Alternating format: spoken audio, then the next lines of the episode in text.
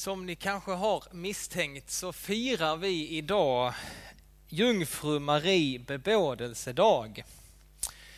Jag vet inte hur ni brukar fira den, men vi svenskar vi brukar äta våfflor idag. Någon som ska äta våfflor idag? Det är två som... Nu ska ni göra det. Ja, men det var en som hade planerat det där bak. Härligt. Men jag hoppas det är fler som går i mål nu här och äter våfflor i eftermiddag. Eh, jag tror att det är så här i alla fall, på något sätt. Alltså, vi brukade kalla Maria förr i tiden för vår fru i det här landet. Vår fru Maria, vårfrudagen, som lätt kunde då bli våffeldagen. Det är en rätt otrolig story va? Men nu är det inte många som minns Maria, men man minns våfflorna. Den 25 mars brukar man ju säga runt där, då är det jungfru Marie bebådelsedag. Då firar vi nio månader. Det är alltså nio månader till juldagen. På juldagen så firar vi Jesu födelse. En graviditet tar vanligtvis nio månader. Och så den här tiden så kommer vi ihåg och vi minns det eh, fantastiska som hände när Maria fick möta ängeln och blev gravid. Vi ska snart få läsa den här rika texten om hur Maria får besök av ängeln Gabriel. Men innan vi läser den så tänkte jag att vi skulle fördjupa oss lite i liksom bakgrunden. Vad har hänt innan? För det finns verkligen en förhistoria till den här händelsen. Det är inte bara en händelse som uppstår, utan det vi kommer läsa sen i texten, det är en del av Guds stora plan att rädda sin älskade skapelse. Denna händelse är en del av Guds stora berättelse. Och vi har med oss det som har hänt tidigare. Om, om vi har med oss det så kommer det hjälpa oss att förstå det oerhörda hände, som hände när Maria sa sitt ja till Gud. Vi måste helt enkelt tillbaka från början i Bibelns första bok där vi möter de här två första människorna, Adam och Eva. Vi läser om skapelsen, vi läser om syndafallsberättelsen och det bildar liksom en bakgrund för att vi ska förstå varför Jesus överhuvudtaget behövde komma hit till världen och bli människa. Det var genom att Adam och Eva, de, ska, de satte sig i trädgården, allting var helt fantastiskt. Gud han var så nöjd, allting var gott. Men Adam och Eva de valde att inte lita på Gud. De valde att inte lita på det Gud hade sagt, utan istället så valde de att lyssna på någon annans ord. Och det var så ondskan och döden kom in i mänsklighetens historia. Alla vi människor, vi lever i konsekvensen av Adam och Evas synd. De föll då och det är därför vi inte kan göra något annat än att falla. Alltså du kan försöka putsa på din yta. Men du och jag, vi kan inte, inte synda. Du kan ju försöka. Men vi, vi är... Vi kan inte, inte synda. Vi kan liksom inte ta oss i kragen och sluta synda. Vi brukar kallas, eller man brukar kalla Jesus för eh, för eh, den andra Adam. På samma sätt som alla blev drabbade av Adams svek en gång i tiden så har alla nu fått möjligheten att bli räddade genom det Jesus har gjort. Genom Adam så kom döden in i världen, men genom Jesus Kristus så kom det eviga livet. Han vann det tillbaka till oss människor. Men det är ju Adam och Jesus på samma sätt kan man tala om de kvinnliga motsvarigheterna. Där vi har Eva och vi har Maria. Och det är detta vi ska fördjupa oss i idag. Vi kan alltså få jämföra hur Eva handlade och hur Maria handlade. Vi kan få er, liksom jämföra hur de tog emot Guds ord i sina liv. Hur de litade på Guds ord. Eva, hon är den som drar hela mänskligheten ner i fördärvet. Maria, hon blir den som banar väg för frälsningen och försoningen. Genom Maria så kommer liksom världens ljus till världen. Livets bröd, den gode herden kommer in i världen. Allt det som Jesus sa om sig själv. Det var ju Eva faktiskt som först föll för ormens list i Edens lustgård. Genom Eva så slingrade sig ondskan och döden in i Guds goda skapelse. Maria däremot, hon blir liksom porten genom vilken Guds son, vår frälsare, kommer till oss. I berättelsen om Eva och Adam så lurar ormen Eva och Adam. På samma sätt som han gör med oss idag så talar han lögn in i våra liv. Först så kommer han med tvivlet, han vill så in tvivel i ditt och mitt liv. Han säger, skulle Gud ha sagt? Skulle Gud ha sagt det? Skulle han verkligen det? Nej. Och sen kommer lögnen. In, ni kommer inte dö. Ät av det här, men ni kommer inte dö. Det är inte sant det som Gud säger. En riktig lögn. Och så slutligen lockelsen som han kommer med. Äter ni av det så kommer ni bli som Gud. Det är tvivel, det är lögn och så lockelsen att de ska få bli som Gud. Och just så här fungerar liksom de första kapitlen i Bibeln. Det är berättelsen om hur vi ska idag förstå tillvarons liksom yttersta villkor. Varför finns vi till? Vad vill Gud med våra liv? Och varför finns det så mycket ondska mitt ibland oss? Men direkt efter att de första människorna har fallit så kan vi också läsa att Gud han visar sin barmhärtighet mot oss direkt. Redan i det tredje kapitlet i Bibeln så lovar Gud att sända en frälsare som en dag ska besegra ondskan och rädda oss människor. Det kommer upp här i redan i det tredje kapitlet så står det så här och detta kallar man för det första evangeliet i Bibeln. Så det första glada budskapet om Jesus. Gud han säger så, jag ska väcka fiendskap mellan dig och kvinnan, mellan din avkomma och hennes. De ska trampa på ditt huvud och du ska hugga dem i hälen. Det här tolkar liksom alla kristna och kyrkan som att detta är ett, eh, att en gång ska det komma en avkomma ifrån kvinnan som ska trampa liksom ondskan under sina fötter. Men på något sätt så ska också ondskan liksom hugga den här frälsaren i hälen. Alltså det är en bild på en lidande frälsare. Både någon som kommer själv att bli liksom, lida men framförallt någon som en dag, en gång för alla kommer besegra ondskan. Det första evangeliet, det har vi protoevangeliet har vi redan där. Eva och Adam hade båda fallit, men Gud lovar här att det är någon från deras eget kött och blod. En gång så kommer det komma någon som är från deras eget kött och blod som ska rädda dem från döden och ondskan. Och när man läser vidare så trodde nog Eva att hon hade fött fram den här frälsaren själv. När hon födde sin första son Kain så utbrast hon, jag har gett liv åt en man med Herrens hjälp. Kanske trodde hon att nu så, nu kommer den här frälsaren. Men Kain, han var ingen frälsare. Istället så dödar han sin bror Abel och människans olydnad och ondska blir bara värre. Det blir liksom bara en spiral. Det bara ökar och ökar. Och Kain blir liksom en symbol för detta på något sätt. Människans väg, ondskans väg som bara ökar och sprider sig.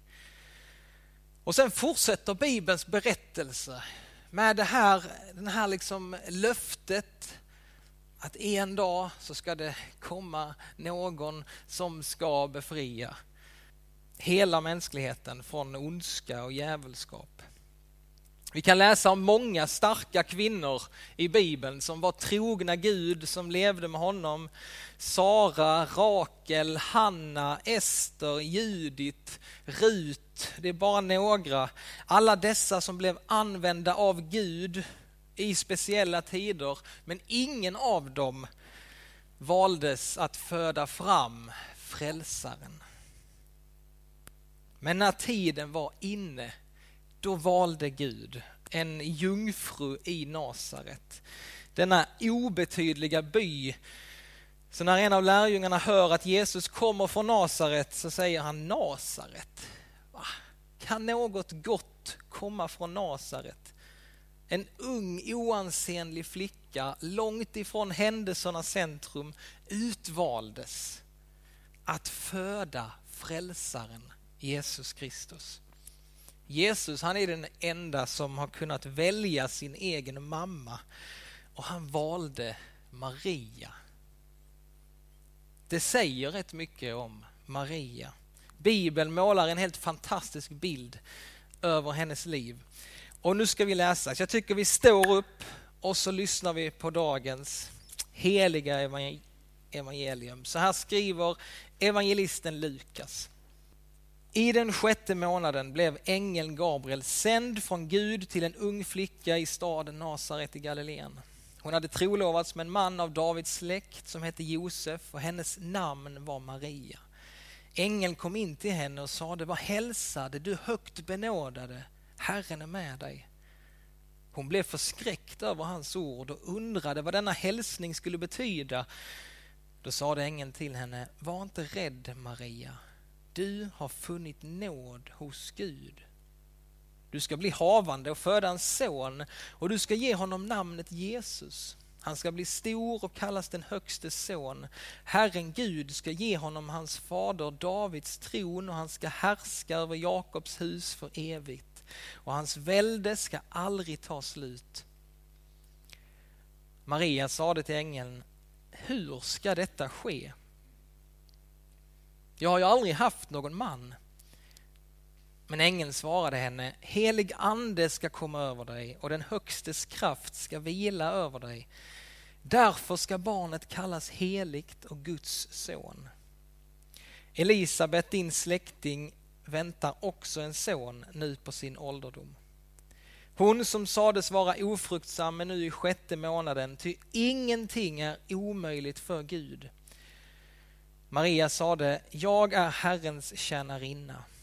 Må det ske med mig som du har sagt. Och ängeln lämnade henne. Så lyder det heliga evangeliet. Lovad vare du Kristus. Tänk er att Maria får möta ängeln Gabriel som säger Var inte rädd. Du har funnit nåd hos Gud. Du ska bli havande, föda en son och så ska du ge honom namnet Jesus. Han ska bli stor och kallas den högste son och hans välde ska aldrig ta slut. Det är rätt otroliga ord att ta in sådär och så ge ett svar på det direkt. Liksom. Hur många följdfrågor väcks inte hos henne? va? Vad får det här för konsekvenser? Allt tvivel, alla frågetecken, alla detaljer. Men när hon får det här till sig så väljer hon direkt att svara med tro. Hon säger, hur ska detta ske? Hur ska detta ske? Och när hon har fått reda på det då, det som är ännu mer otroligt då, som kan väcka ännu fler följdfrågor. Och liksom, då säger hon, jag är Herrens tjänarinna. Må det ske med mig som du har sagt. Alltså på varje punkt där Eva misslyckades består Maria provet. Mot Evas egoism och högmod ställs Marias ödmjukhet. Eva struntade rätt så snabbt i Guds ord. Maria trodde på det som Gud hade sagt. Även hur otroligt det än lät så valde hon att tro på det Gud hade sagt. Det kanske verkar enkelt när man läser den här texten men det måste varit allt annat än enkelt för Maria. Hon hade trolovats med Josef. Vi tänker kanske att det är som en vanlig förlovning. Men det är rätt stor skillnad på hur vi gör nu och hur man gjorde då.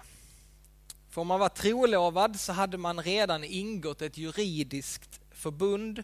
Man kallade varandra man och hustru, men äktenskapet var inte fullbordat.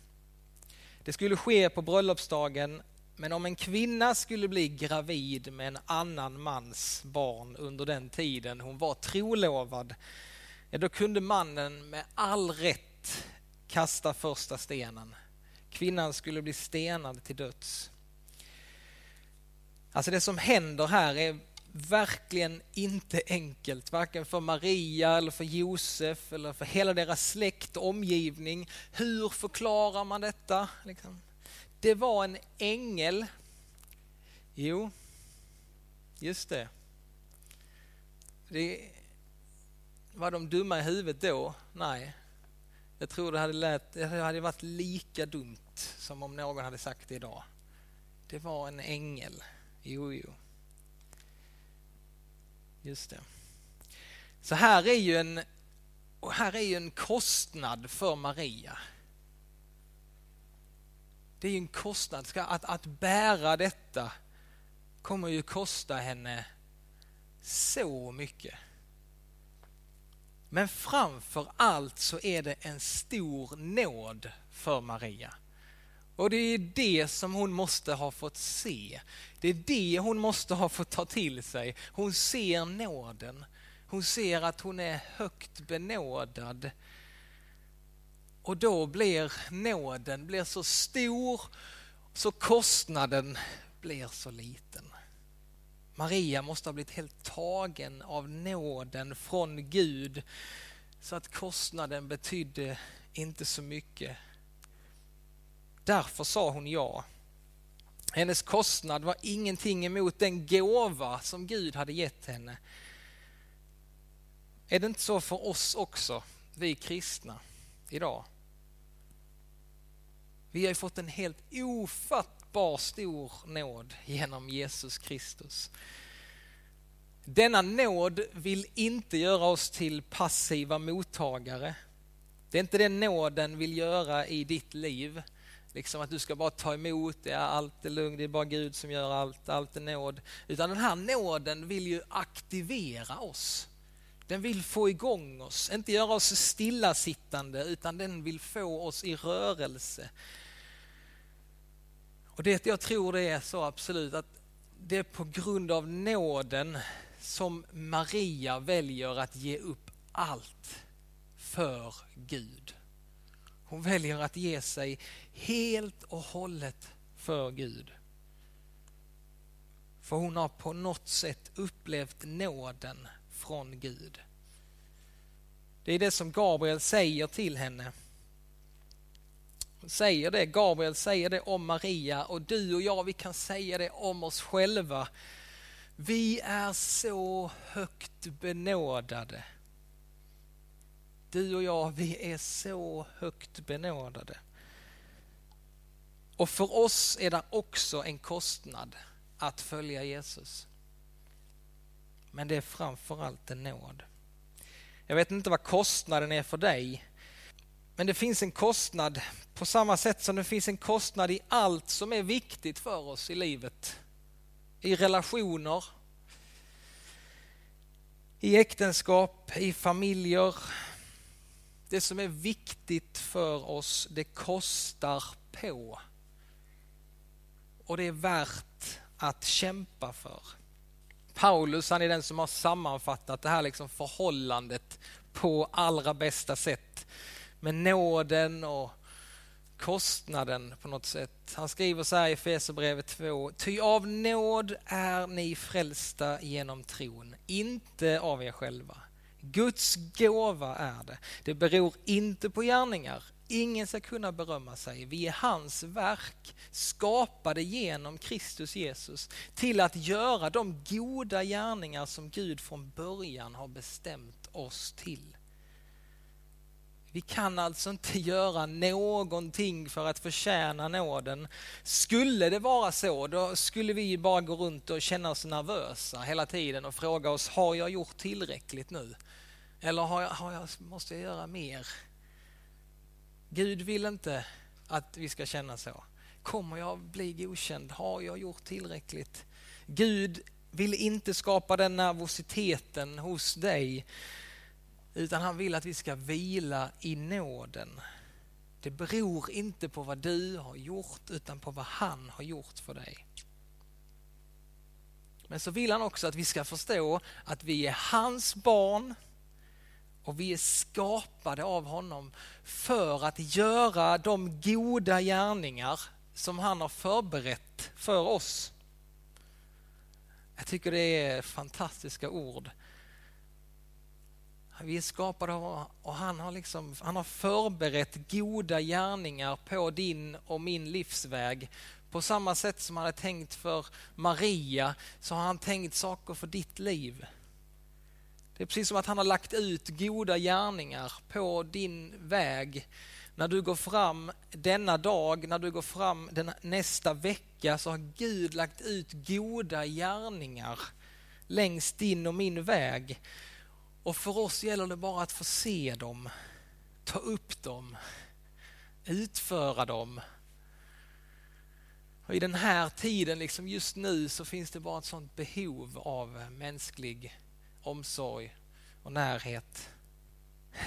Jag ber bara att vi ska vara liksom, komma ur vår självupptagenhet och vår självcentrering och få se de goda gärningar som Gud har lagt ut som vi kan få göra idag, imorgon, den här tiden. Maria, hon sa sitt ja och sen så lämnar hon alla detaljerna liksom, till Gud.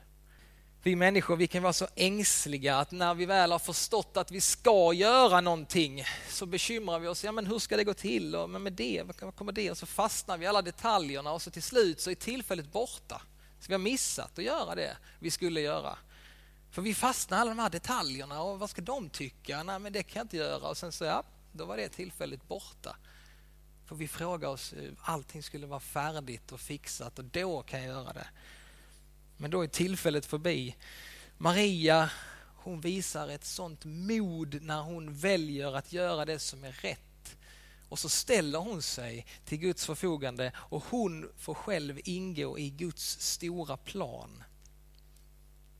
Du och jag, vi är också kallade till detta, att göra det som är rätt, vara en del av Guds plan, vara hans medarbetare.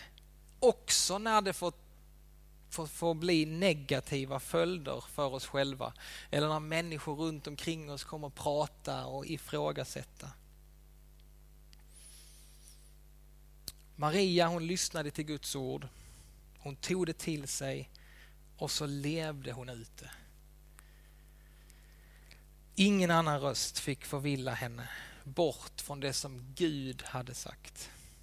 Må det ske med mig som du har sagt. Så här, så här tror man. Detta är sann tro. Vi tackar dig, Fader i himmelen, för att vi får påminna oss idag om det som du gjorde med Maria. Herre, vi tackar dig för den här berättelsen och vi ber att det ska få bli till tro i våra liv, Herre. Att vi ska få bli människor som lyssnar till dig och som gör det som du har förberett åt oss att göra. Att följa dig, att lita på dig. I Jesu namn. Amen.